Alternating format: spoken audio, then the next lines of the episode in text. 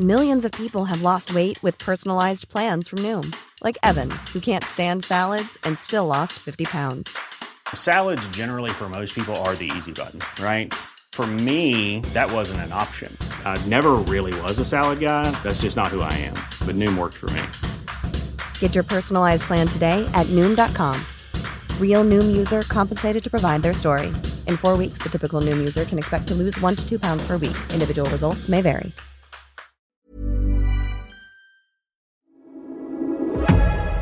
Du lyssnar på GVS ljudböcker.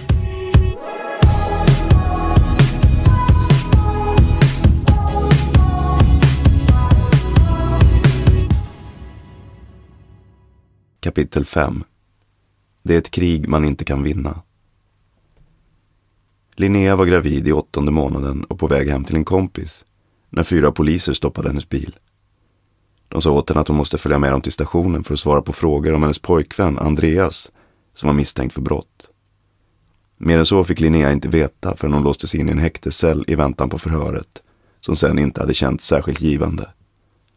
Hon hade varken kunnat svara på några av polisens frågor eller fått veta något mer om vad hennes pojkvän misstänktes ha gjort. Ett par timmar senare klev hon ur taxin som hon hade tagit från stationen hem till hennes och Andreas lägenhet. Bilen stod kvar då hon hade blivit stoppad. Jag var ju höggravid och ganska skärrad vid det laget, berättar hon. Efter förhöret hade en av poliserna ifrågasatt hur jag kunde vara ihop med en sån som Andreas och sagt att han var dålig för mig och mitt barn. Han undrade om jag trodde att jag skulle få en familj nu och att de nog skulle sätta dit Andreas. Jag visste inte vad jag skulle säga så jag sa bara att det var mitt val och att polisen inte hade något med det att göra. Vad Linnea inte visste var att polisen tidigare under dagen, ungefär samtidigt som hon själv blev stoppad i sin bil, hade gripit Andreas i deras gemensamma hem och i samband med detta även gjort en husrannsakan. När Linnea öppnade dörren till lägenheten fick hon en chock. De hade vänt upp och ner på hela lägenheten. Vår madrass låg på golvet. Spjälsängen som vi hade köpt till barnet hade vält och alla barnkläder som hade legat vikta i garderoben låg spridda på golvet. Det såg ut som de gör på film. Något meddelande fanns inte, så Linnea ringde själv upp polisen för att ta reda på vad som hade hänt och fråga om de hade tagit med sig något från lägenheten. Hon fick veta att de hade tagit med sig deras bärbara dator, men i övrigt borde ingenting saknas. Jag förstår att de behöver göra en husrannsakan och att de vill kolla igenom vår dator, men jag förstår inte sättet de gör det på, säger Linnea. Hon minns när hon åkte till polisen för att hämta datorn ett par veckor senare. När jag kom till stationen så frågade jag hur jag skulle kunna veta att den fortfarande fungerade. Då skrattade de och sa att jag inte kunde bevisa att det var deras fel om den inte gjorde det. När jag kom hem gick det inte att få igång datorn. Linnea hade aldrig haft med polisen att göra innan hon träffade Andreas. Idag har hon tvingats lära sig att leva med att de när och var som helst kan dyka upp. Hennes situation är långt ifrån unik. Det går inte att vara livsstilskriminell pappa utan att det påverkar ens familj. Mötet mellan en livsstilskriminell persons familj och poliskåren är sällan helt friktionsfritt. Den bild som Linnea målar upp när hon fortsätter att prata om sin relativt nystiftade bekantskap med poliskåren är fylld av plumpar som, åtminstone i hennes värld, är helt onödiga. Hon är väl medveten om att Andreas har gett dem anledning att besöka deras hem frihetsberöva honom och ställa frågor till henne. Det är, i alla fall i dagsläget, en konsekvens av det val hon gjorde när hon bestämde sig för att leva med Andreas. Det som gör henne upprörd och det som har gjort att hennes första två år med någorlunda regelbunden poliskontakt knappast gett henne ett särskilt smickrande intryck av yrkeskåren är som sagt sättet de gör det på. Min erfarenhet är att de är jävligt klumpiga, respektlösa och egoistiska, sammanfattar hon. De tänker bara på att förstöra för honom och bryr sig inte om familjen överhuvudtaget. Istället behandlar de hela hans familj som banditer också. Eftersom de vet att hans dotter är en öm punkt och att de kan förstöra mycket för honom via henne så kommer de ofta med pikar om det. Det är lite äckligt faktiskt. Jag har ingen erfarenhet av polisen sedan tidigare, men de jag har träffat nu tycker jag inte gör ett bra jobb. Linnea efterlyser hela tiden en större förståelse från polisens sida. Hon är helt enkelt trött på att ständigt få höra att de borde lämna honom och att hans kriminalitet per automatik gör honom till en dålig pojkvän och pappa. Man väljer inte vem man älskar. Man tar det onda med det goda.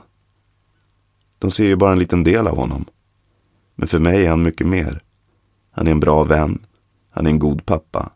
Han är min blivande man. Han är någons son. Men de ser bara det dumma. Och för dem är det allt han är. Linnea har förhoppningar om att Andreas en dag ska lämna kriminaliteten bakom sig. Till dess önskar hon att de poliser hon möter skulle ha en bättre insyn i hur hon och resten av Andreas familj känner. De borde utbilda sig för att få en större förståelse för familjen. De vill väl att folk ska få ett bättre liv. Men så som de gör nu blir det nog ofta sämre istället. Sen jag började göra intervjuer för den här boken har jag mött flera flickvänner, fruar, barn och andra familjemedlemmar och när polisen kommer på tal så är det framförallt två problem som ständigt kommer upp. Polisens oförmåga att skilja mellan den som begår brotten och dennes familj samt polisens attityd och oförståelse gentemot övriga familjemedlemmar. Det mer utpräglade polishat som många av papporna villigt erkänner är dock sällsynt bland anhöriga, även om många säger sig känna en ständigt växande förståelse för det. Magdalena är 29 år och har två barn med sin pojkvän. Hon kan förstå varför hennes kille hatar polisen, men utgår själv från ett resonemang om att den som ger sig in i leken får leken tåla. Hon och hennes barn har däremot aldrig bett om att få vara med. Även om jag tycker att det är skit att polisen beter sig illa mot honom, så är det först när det drabbar någon annan runt omkring som jag blir arg. Om han till exempel får spö av polisen så tycker jag att det är vidrigt. Men världen är skit och jag vet att det finns. Men när polisens kränkningar eller övervåld drabbar de som inte själva har valt att leva det livet, då kommer alla känslor igång. Alla jag intervjuat är mer eller mindre överens om att alla poliser inte beter sig illa i de här situationerna. Men att de som gör det är fler än allmänheten verkar tro. Det är inget nytt på så sätt, även om jag vet mer om vad som händer nu, förklarar Magdalena. Egentligen har inte min syn förändrats så mycket. Jag känner inget hat, men jag har fått lättare och lättare att förstå att de gör det. Det som har förändrats är att det stör mig mer att folk har så svårt att förstå vilken skada som polisen kan göra. Oavsett exakt var sanningen ligger så är det inte svårt att förstå att relationen mellan en polis och en kriminells anhöriga lätt kan bli infekterad. Ändå verkar det inte vara något som diskuteras särskilt flitigt inom polisen. Man förlitar sig helt enkelt till individens förmåga att anpassa sig till situationen. Hur väl det fungerar råder det delade meningar om. Jonas Engström, som har varit polis sedan 1996, tror att de flesta poliser är duktiga när det kommer till att bemöta oskyldiga och familjemedlemmar i sitt arbete. Som yttre gruppchef på spanings och insatsgruppen på Norrortspolisen i Stockholm utgår han generellt sett från att den misstänktes familj är ointressant för hans arbete. Men eftersom mycket handlar om att först kartlägga en persons tillvaro för att sedan kunna genomföra effektiva husrannsakningar och gripanden så är det naturligt att man till och från stöter på både flickvänner och barn, framförallt i hemmet. Det finns ingen plan eller några riktlinjer för hur man bör gå tillväga om det till exempel finns barn i lägenheten vid en husrannsakan. Men jag tror inte att det behövs, säger han. Det skiljer sig mycket från fall till fall, men det finns en medvetenhet och jag ser det inte som ett stort problem. Men det finns tillfällen då arbetet inte är problemfritt och Jonas Engström har ett färskt exempel i minnet. En husrannsakan av en lägenhet i samband med ett misstänkt narkotikabrott. Eftersom spaningsgruppen inte hade någon nyckel till lägenheten och visste att det fanns folk i lägenheten hade de med sig piketstyrkan för att lätt kunna ta sig in. De ringde på dörrklockan till lägenheten, men efter bara ett par sekunder valde de att slå in dörren istället. Risken för att bevismaterial, i det här fallet narkotika, skulle kunna förstöras ansågs för stor för att man skulle ge människorna i lägenheten längre tid på sig. Piketen stormade in ganska offensivt och de ser rätt läskiga ut med sina masker och hjälmar och vapen i högsta hugg, konstaterar han. Det visade sig att det fanns barn i lägenheten, mellan sex och åtta år gamla. Det var ju inte kul, men det gick ganska bra ändå, tycker Jonas Engström. Man får ta av sig hjälmen och försöka förklara så gott det går. Barnen var för små för att förstå vad vi gjorde där, men de blir ju rädda och förstår att det händer något. På det hela taget tycker sig dock Jonas Engström ha mestadels goda erfarenheter även om han kan dra sig till minnes andra fall när det uppstått problem. Men i 95 fall av 100 så går det lugnt till, menar han. Fast det är ju lättare om man kommer civilklädd än om piketen stormar in. Jag frågar honom om han tror att polisen generellt sett är bra på att visa respekt för de familjemedlemmar som de stöter på i samband med exempelvis husrannsakningar och gripanden. Det är en svår fråga, konstaterar han och blir tyst en lång stund innan han fortsätter. Jag tror att vi är ganska duktiga på att respektera dem, även om vi inte alltid blir så populära. Sen har det säkert hänt att polisen inte har skött det, men generellt tror jag att man gör ett bra jobb, tillägger han efter en stund. Jonas Engström tror också att polisen överlag har blivit bättre på att bearbeta och tala om den här typen av frågor. Han vet att det finns de som menar att polisen har en del brister när det kommer till att handleda sin personal genom svåra situationer.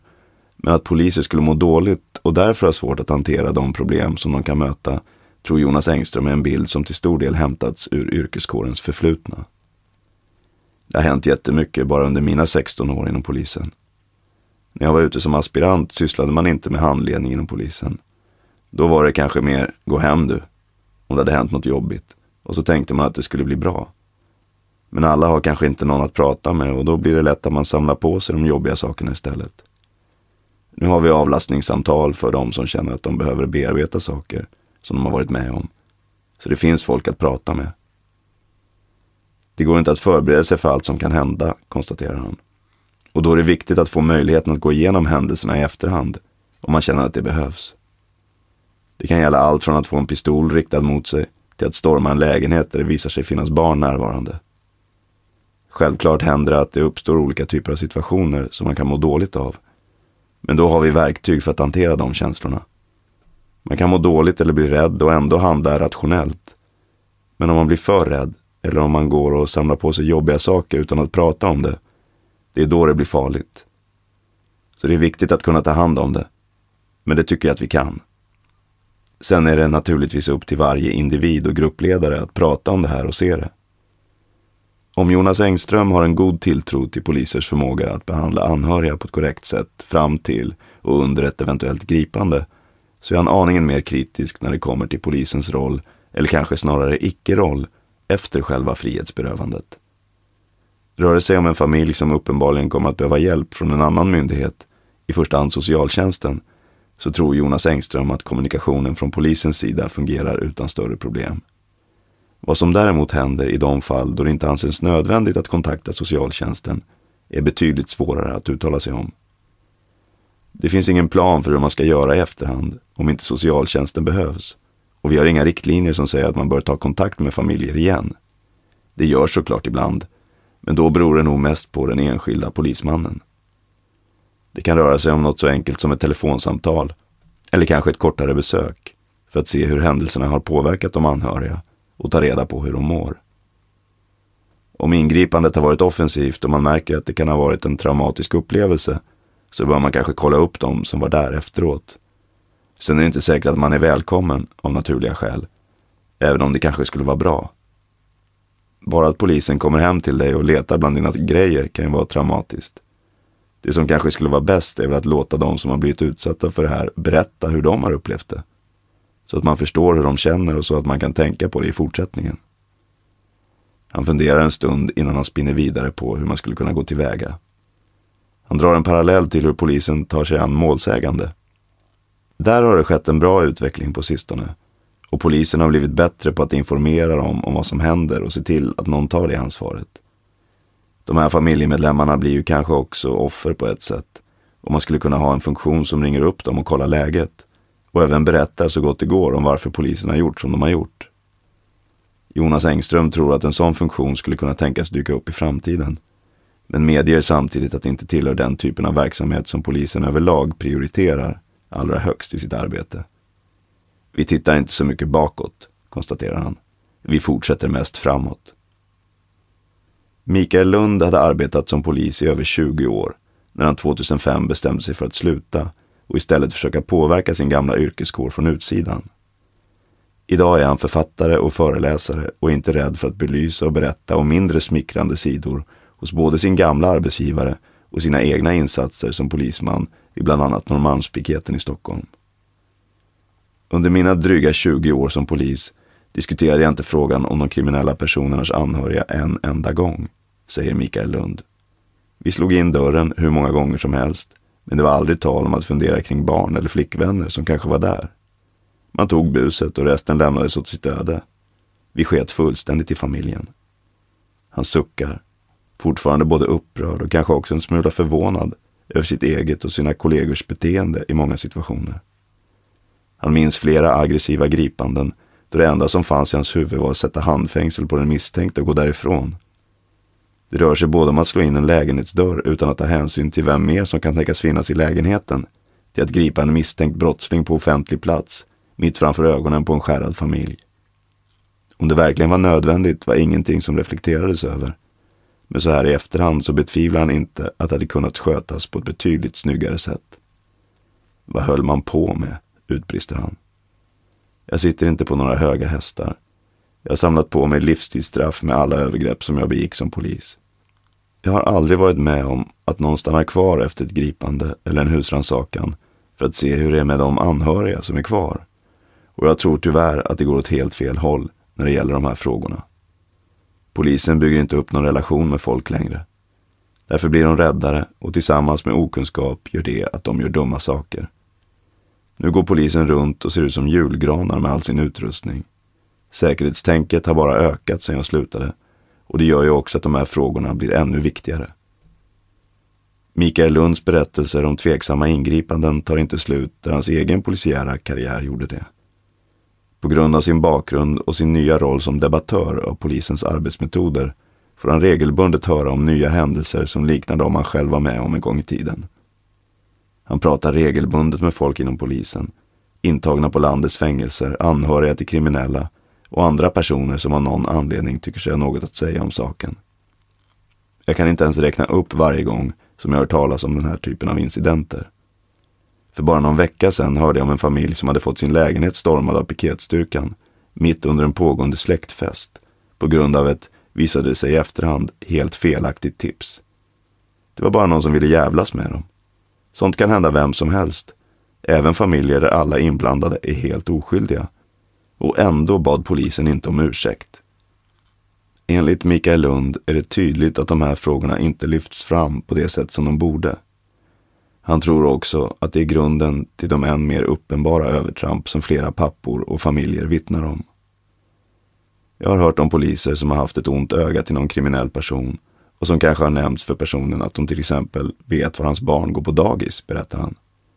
Visst förekommer även mer konkreta hot. Han betonar att han tror att majoriteten av alla poliser inte ägnar sig åt den typen av avsiktliga kränkningar eller provokationer. Men att alla poliser arbetar i ett system som möjliggör och i viss mån även tillåter just den sortens beteende. Att det är systemet som ligger till grund för problemen råder det enligt Mikael Lund inga tvivel om. Då syftar han främst på bristande kunskap och intresse kring de här frågorna. Men även på det faktum att polisen i sitt spaningsarbete tillgodogör sig och framförallt registrerar stora mängder information om de misstänktas anhöriga. Jag tror att de oskyldiga familjemedlemmarna drabbas mer negativt av att även de kartläggs i polisens spaningsregister. Att de får förekomma där utan att överhuvudtaget vara misstänkta. De flesta poliser kan hantera det men det finns alltid några som använder informationen i fel syfte.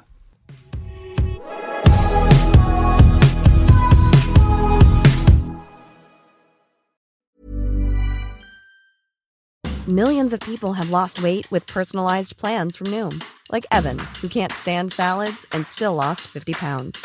Salads generally for most people are the easy button, right? For me, that wasn't an option. I never really was a salad guy. That's just not who I am. But Noom worked for me. Get your personalized plan today at Noom.com. Real Noom user compensated to provide their story. In four weeks, the typical Noom user can expect to lose one to two pounds per week. Individual results may vary.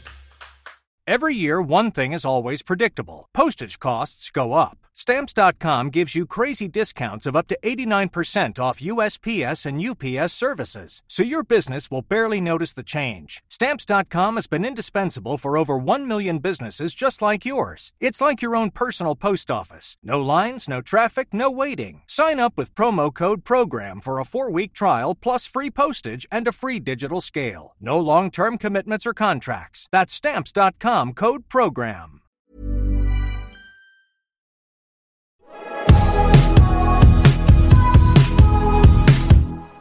Att en polisman gör fel är i Mikael Lunds värld ingenting konstigt. Men han vill alltså inte i första hand skylla misstagen på de enskilda individerna. Han minns hur han själv agerade och betedde sig under tiden i piketstyrkan och återkommer till att det som skedde runt omkring honom och hans kollegor aldrig bearbetades. Mentaliteten tillät inte att man pratade om vad man var med om. Det gällde särskilt i de situationer där polismännen kunde känna sig rädda och osäkra. För man var ofta rädd, försäkrar Mikael Lund.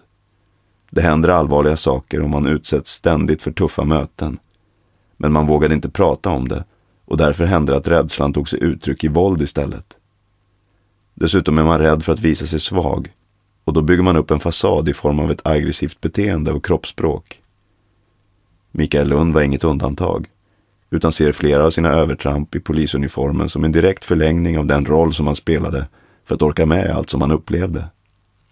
Rädslan doldes bakom en höjd röst, ett par korslagda armar eller i värsta fall onödigt våld. För Mikael Lund gick det så långt att han till slut själv sökte hjälp i form av terapi. När man är uppe i det så mår man inte så dåligt, för man har ett skal som grundar sig i en bristande förståelse för människorna som man möter. Så länge man upprätthåller den här stenfasaden så är det inte jobbigt. Men när man vaknar upp så är det inte så bekvämt längre. Då kommer alla händelser tillbaka till en. Mikael Lund har träffat, och träffar fortfarande, många poliser som känner igen sig i hans beskrivningar. Det är få poliser som självmant tar upp rädslan som många kan känna, men desto fler som håller med honom när han för ämnet på tal. Jag tror att det är många poliser som mår dåligt, som är ganska ensamma och inte riktigt har någon att prata med, säger han. Om du frågar någon inom polisen nu så säger de att det där inte stämmer längre. Och det är möjligt att de har blivit bättre på att hantera det. Men jag vet att det är ett problem och jag får fortfarande höra det från folk som arbetar inom polisen nu. För Mikael Lund handlar frågan om polisens bemötande av människor i grund och botten om kårens kultur och utbildning. Han minns själv hur han som nyutbildad polis snabbt rättade in sig i ledet på den nya arbetsplatsen.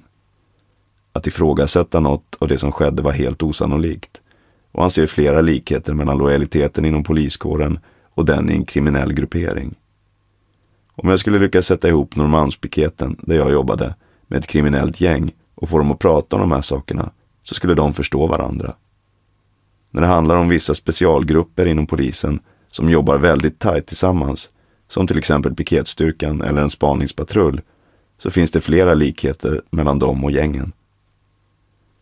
Återigen vill Mikael Lund ta fokus, eller åtminstone skulden, från individerna. För honom handlar det om grupper med en ofta osund kultur som bygger på både rädsla för och lojalitet mot sin egen grupp. När det gäller polisen tycker han sig se roten till problemet i utbildningen. Han har själv stor erfarenhet av de platser som skolar och formar framtidens poliser. Han har varit där både som student och som föreläsare. När jag lämnade polishögskolan hade ingen ens nämnt för mig att en kriminell person kan ha en familj. Jag hade överhuvudtaget inte diskuterat omgivningen kring de här personerna och hur man bör hantera den. Man går helt och hållet på vilken hotbild som kan finnas och fokuserar på sin egen säkerhet. Inte på människorna runt omkring. Sedan han lämnade poliskåren och bytte karriär har Mikael Lund alltså åter haft med polisutbildningen att göra, men nu med ett annat perspektiv. Som gästföreläsare vill han inte uttala sig direkt om huruvida hans egna minnen från utbildningstiden är relevanta för dagens poliselever, men han tycker sig se tecken på en liknande mentalitet. Första gången som jag föreläste i det sammanhanget var på Växjö universitets polisutbildning. Jag skulle ha två föreläsningar, en med en klass som just hade börjat och en med en klass som gick sitt andra år. Den första föreläsningen var jättelyckad. Det var en brokig skara elever som hade mycket att säga och många frågor att ställa. Den andra föreläsningen var helt annorlunda. En samling tysta, kortklippta elever som inte ställde en enda fråga. När Mikael Lund senast besökte samma skola frågade han inför föreläsningen en av lärarna om huruvida han borde låta det vara öppet för frågor under hela föreläsningen eller om det var bättre att ha en samlad frågestund mot slutet. Till svar fick han en undrande blick och en motfråga. Du tror väl inte att det är någon som vågar ställa frågor? Redan i skolan är det en sån miljö, säger Mikael Lund aningen bistert. Då kommer du knappast därifrån till piketen och börjar ifrågasätta saker och ting sen. Hur resonerar man då kring de kriminellas anhöriga på Polishögskolan? Inte så mycket verkar det som. Åtminstone finns det inget eget utrymme för frågorna i läroplanen. Det är ingen fråga som leder i sig själv. Den går in i andra moment, förklarar Polishögskolans ställföreträdande rektor Ingmar Bergman när jag undrar hur de förbereder blivande poliser på möten med kriminella personers familjer. Enligt honom finns det inget entydigt svar på hur man bör gå tillväga i sådana lägen. Därför finns det inte heller något formellt regelverk som styr polisens metoder i de här lägena. Och kanske är det också därför som de kunskaper som krävs förväntas vävas in i resten av utbildningen. Det är klart att det händer att man måste gripa en förälder. Det är inte särskilt ovanligt. Vi har en del rollspel på våra utbildningar där vi kan spela upp de här scenarierna. Men det finns inte i kursplanen. Vi har ingen mall att gå efter, inga riktlinjer och inget stöd i lagen om hur man ska handskas med barn. Ingmar Bergman förespråkar istället sunt förnuft och att göra det bästa av situationen. Det handlar om vanligt bemötande och om proportionalitet i agerandet. Det kan bli svårt eftersom det skiljer sig åt beroende på den individ som ingriper. Men polisens uppgift är att koncentrera sig på brottslingen. Finns det hustru eller barn där så ska någon prata med dem. Fast av säkerhetsskäl går det inte alltid att göra. När det gäller själva ingripandet tror han att landets poliser generellt sett kan hantera omgivningen. Det handlar om att göra så gott det går. Samtidigt medger han att en nyutexaminerad polis inte är särskilt väl förberedd på den här typen av situationer. Något som gäller mycket annat också. Man är väldigt osäker, för det finns inget som säger att man kan det här. Men så är det i alla situationer och det är samma sak när man åker på första trafikolyckan. Vi tar ju upp det på utbildningen, men man är inte säker på någonting. Vad som är ett större problem enligt Ingmar Bergmans erfarenhet är det som händer när polisen väl har gjort sitt jobb. På plats ska alltså polisen, i den mån det går, ta sitt ansvar för de anhöriga. Vad som förväntas hända därefter är desto svårare att svara på. Klart är i alla fall att det inte ligger kvar på Polismyndighetens bord. Så fort ingripandet är över så är det inte polisens ansvar längre, konstaterar han. Jag tror inte att vi lär ut att man ska ringa tillbaka till familjen i efterhand. Återigen kommer socialtjänsten på tal. I de fall där det är aktuellt litar Ingmar Bergman på att de kontaktas. Även om man själv tror att kommunikationen myndigheter emellan fungerar olika bra på olika ställen. Ibland löper samarbetet klanderfritt, menar han, och socialtjänsten besöker den kvarvarande familjen redan samma kväll. På andra ställen kan det ta flera veckor innan något händer. Vad som händer i de fall där socialtjänsten inte förväntas behövas kan Ingmar Bergman inte svara på. Men det är egentligen inget speciellt med just de här familjerna. Det är samma saker som gäller när vem som helst hamnar i chock, som i en trafikolycka eller så. Man ska ta hänsyn till omgivningen helt enkelt. Det hjälper inte hur mycket tid man lägger ner på det här under utbildningen, för när ingripandet är klart så är det inte ett polisiärt ansvar längre. Men ett polisingripande som kanske leder till frihetsberövande innebär inte att den misstänkte pappans familjs kontakt med polisen tar slut. Långt ifrån. Chansen att de tas in till förhör är stor och dessutom kommer polisens närvaro vara påtaglig i allt som rör deras relation med pappan fram till fallande dom. Och tiden i häktet kan bli lång. Min tjej plockades in till förhör när hon var på väg till häktet för att besöka mig första gången, berättar en 23-årig småbarnspappa. Polisen hade parkerat sin bil utanför ingången och gjorde ett förhör direkt på plats. Först frågade de henne lite om mina vänner och sen sa de åt henne att hon borde lämna mig. Hon blev irriterad och tyckte att det var jobbigt att höra. Då var vår son fyra månader gammal. Samma pappa berättar att han, innan det första besöket, ofta upplevde att polisen använde sig av hans familj för att hota och provocera honom. Något som han menar är vanligt under de första häktesveckornas totala isolering. De sa att om jag bara erkände så skulle jag få träffa min familj igen. När det inte fungerade sa de att jag skulle förlora åtta år med min son för vad jag hade gjort. De vet att det är en öm punkt och det är många som viker ner sig på grund av sånt. Han dömdes till slut i tre år, men domen föll först efter fem månader i häktet. När restriktionerna väl lättade så kunde hans son och flickvän komma på besök en gång i veckan. Varje besök varade i 30 minuter och alltid med två poliser närvarande. Då kom poliserna varje vecka som de skulle, säger han nästan lite tacksamt. De kan ju säga att de inte har tid och så, men de kom varje gång faktiskt. Jag fick hålla i min son också, fast man egentligen inte får röra varann. Så det var bra. Även om polisen uppenbarligen kan ha stor inverkan på familjelivet under både längre och kortare perioder så är det inte något som de kriminella pappor jag intervjuat pratar särskilt mycket om med sin familj. Något som familjerna i stor utsträckning också verkar respektera. Huruvida det handlar om en önskan om att tänka bort problemen eller om att det helt enkelt ligger för nära den kriminella värld som ofta är tabu att prata om är svårt att säga. Förmodligen rör det sig om en kombination. För papporna verkar även hatet spela en stor roll. Polisen är kanske inte det man allra helst samtalar om kring köksbordet.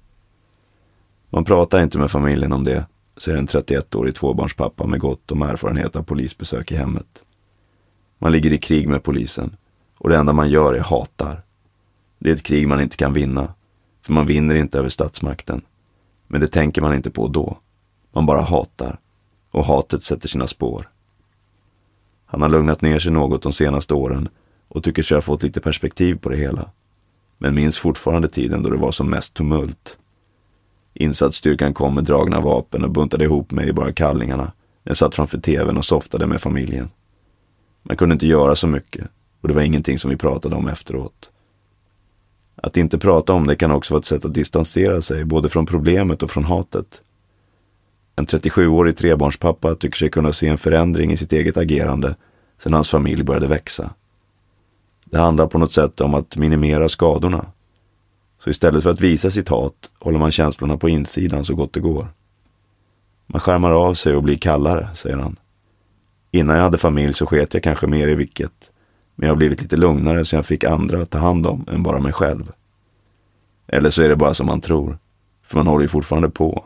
Och att man är lite kyligare nu har nog lika mycket med åldern att göra som med att man har fått ungar. Även om många pappor väljer att hålla allt som har med polisen att göra borta från familjen, på samma sätt som de inte talar om sin kriminalitet, så väljer en del att släppa in samtalsämnet i hemmet. Jon och hans fru Audrey har nyligen fått sitt andra barn och de pratar regelbundet om polisen. Helt enkelt eftersom det är en del av deras gemensamma liv. Vid en husrannsakan är det till exempel lika mycket Audreys hem och tillhörigheter som blir föremål för undersökning. Ända sedan de blev tillsammans för drygt fem år sedan har Jon och Audrey försökt förena sina respektive liv till ett i så stor utsträckning som möjligt. Och det gäller även Jon och hans vänners kontakt med och syn på polismakten. Vi umgås en del tillsammans med mina vänner och då är det klart att om det har hänt något som har med polisen att göra så diskuterar man det hemma, säger Jon. Även om man aldrig skulle involvera Audrey i sin kriminalitet eller prata om den så vill han att hon ska vara en så stor del av hans liv som möjligt och förstå hur han tänker och varför. För Jon är det en självklarhet att det ska vara så och de har aldrig diskuterat något alternativt förhållningssätt. Men de är båda väl medvetna om att det för med sig en del lidande som de kanske skulle ha kunnat vara utan. Polisen gör ingen skillnad på mig och henne, utan behandlar henne som om hon var kriminell också. De tar ingen hänsyn till att vi har barn och en familj nu. Det finns inget värre än när det händer. Själv kan man ta vad som helst, men när de beter sig illa mot henne så är det riktigt jobbigt och det vet de ju. Det är en feghet från deras sida att gå på henne. Hur jobbigt det än är när det händer så har Jon aldrig haft dåligt samvete på grund av att det är han som är länken mellan polisen och Audrey. Han har alltid varit öppen med vem han är och hon visste vad hon gav sig in på när de blev tillsammans. Även om hon nog inte riktigt insåg omfattningen av det från början. Hon förstod kanske inte att de skulle börja behandla henne som en brottsling bara för att hon associeras med mig eller för att hon vill lära känna sin killes vänner. Men hon visste ju vem jag var och vi vill ju vara en familj. Och det där kan man inte styra över. Samtidigt säger sig Jon ha förståelse för att polisen har ett visst intresse för hans familj utifrån vad han själv sysslar med. Men att likställa dem med honom och behandla dem därefter, oavsett sammanhang, kommer han aldrig att kunna acceptera. Det är deras jobb att ta fast mig och jag kan förstå alla som sköter sitt jobb. Så det är klart att de kan plocka in henne på förhör och ställa frågor. Men att slita ut någon i trapphuset så att alla grannarna ser eller bete sig illa är att gå över gränsen. Det skulle kanske gå att få bort det värsta om familjen slutade umgås med ens vänner. Men vad är det för liv? De är ju hennes vänner också. För oss har det aldrig varit ett alternativ. Jons bild bekräftas av en annan pappa som just av den anledningen har valt att hålla sin fru så långt borta från sin egen bekantskapskrets som möjligt. Han har vänner som inte gör det och han tror att deras familjer i större utsträckning drabbas när det kommer till polisingripanden. När några bekanta nyligen häktades vid ett tillslag fick han vatten på sin kvarn. De är sju stycken som sitter och alla får ta emot sina flickvänner på besök, utom en, berättar han. Hon är gravid i åttonde månaden, men hon får inte komma för att hon känner sin killes kompisar. Att det beror på att hon skulle kunna veta för mycket håller möjligen som officiell förklaring, men själv köper han den inte. Utan tror snarare att det handlar om polisens syn på vissa familjer. De har ju två vakter med vid varje besök på häktet, som skulle ändå inte kunna prata om något som har med brottet eller deras vänner att göra, säger han skeptiskt. Kanske har han en poäng. Av de mammor som jag har träffat så är de som står närmast pappans bekantskapskrets också de som oftast och i störst utsträckning känner sig kränkta av polisen. Den mest känsliga punkten när det kommer till polisen hos de mammor som jag har träffat är att polisen ifrågasätter deras val av partner. I de situationerna försvinner all förståelse för hur polisen agerar. Det upplevs som den ultimata kränkningen. De kommer med små pikar hela tiden, säger en 23-årig nybliven mamma. Jag vill inte ha något med dem att göra. De vill ju bara att jag ska lämna honom och blir irriterade över att jag inte gör det. Det är inte mitt fel att han är kriminell och det är upp till mig om jag vill leva med honom. När polisen gör sånt, som de verkligen inte borde, då snurrar allt i huvudet, beskriver en fem år äldre tvåbarnsmamma känslan. Det är som att man lever i en film. Att poliserna försöker få mammorna att lämna papporna är ett ständigt återkommande samtalsämne när man pratar med de här familjerna. Inte sällan sker det i samband med ett gripande, framförallt om mamman tas in för förhör. Jonas Engström på Norrortspolisen tror inte att scenariot är särskilt ovanligt och han har själv varit den som kommit med rådet flera gånger. Man vill få henne att inse vilka risker hon tar och man kanske säger att man inte tror att det kommer att bli bättre, säger han. Det handlar om att förklara att det kanske kommer att se ut så här ett tag framöver och jag tror att det är ett vanligt råd. Exakt på vilket sätt rådet förmedlas skiljer sig naturligtvis åt. Men i många av fallen tar mammorna utan tvivel väldigt illa upp. Jonas Engström kan till viss del förstå dem. Visst, jag kan förstå att man känner så. Sen är det kanske inte så lätt att ta till sig det om man sitter i ett polisförhör. Men är man tillsammans med en sån person så hamnar man i klistret på något sätt ändå. Och till viss del tror jag att en kriminell förälder är en sämre förälder än en som inte är det. De älskar säkert sina barn lika mycket som alla andra men det är klart att det påverkar barnen att de är kriminella.